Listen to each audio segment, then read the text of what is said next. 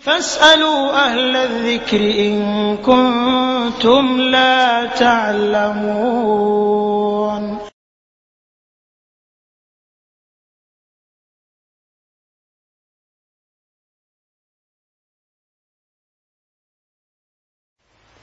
الحمد لله والصلاة والسلام على رسول الله وبعده kaum muslimin yang dimulakan oleh Allah Subhanahu wa taala telah sampai kepada kami sebuah email dari Sipurna xxx at oketmail.com isi email uh, saya mau bertanya menurut Ustadz bagaimanakah tentang mitos jika istri hamil suami tidak boleh membunuh binatang termasuk nyamuk?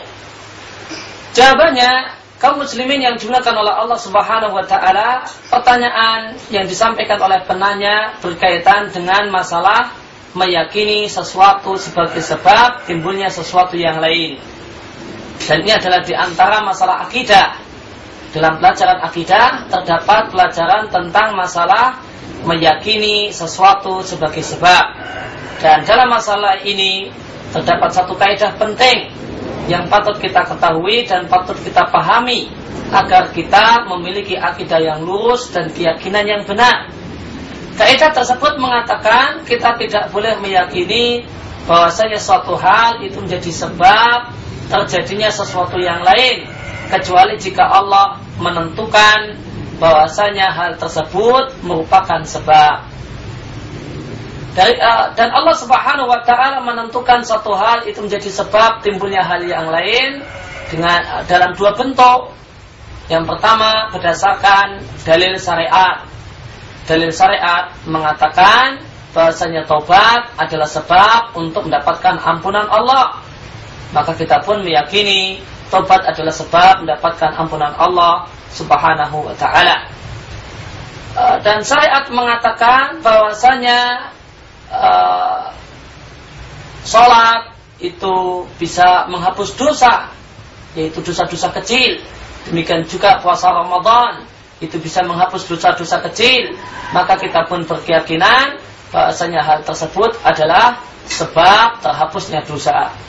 Yang kedua, Allah menjelaskan bahwasanya sesuatu hal itu menjadi sebab timbulnya hal yang lain dengan hukum kauni berdasarkan uh, penjelasan ilmiah, penjelasan ilmu pengetahuan, ilmu pengetahuan membuktikan uh, dan eksperimen manusia membuktikan bahwasanya kenyang adalah bahwasanya makan adalah sebab kenyang, bahwasanya api itu sebab terbakar, air adalah sebab basah.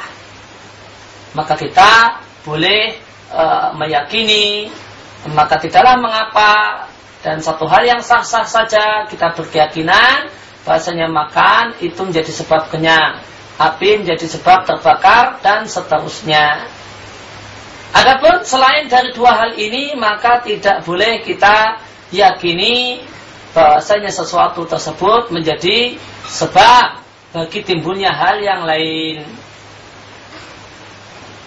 Jika kita meyakini sesuatu tersebut menjadi sebab bagi timbulnya hal yang lain padahal tidak termasuk dalam dua kategori di atas maka keyakinan kita ini dinilai sebagai kemusyrikan yang kecil yang statusnya dosa besar yang tidak kalah besar dengan dosa berzina membunuh orang dan yang lainnya.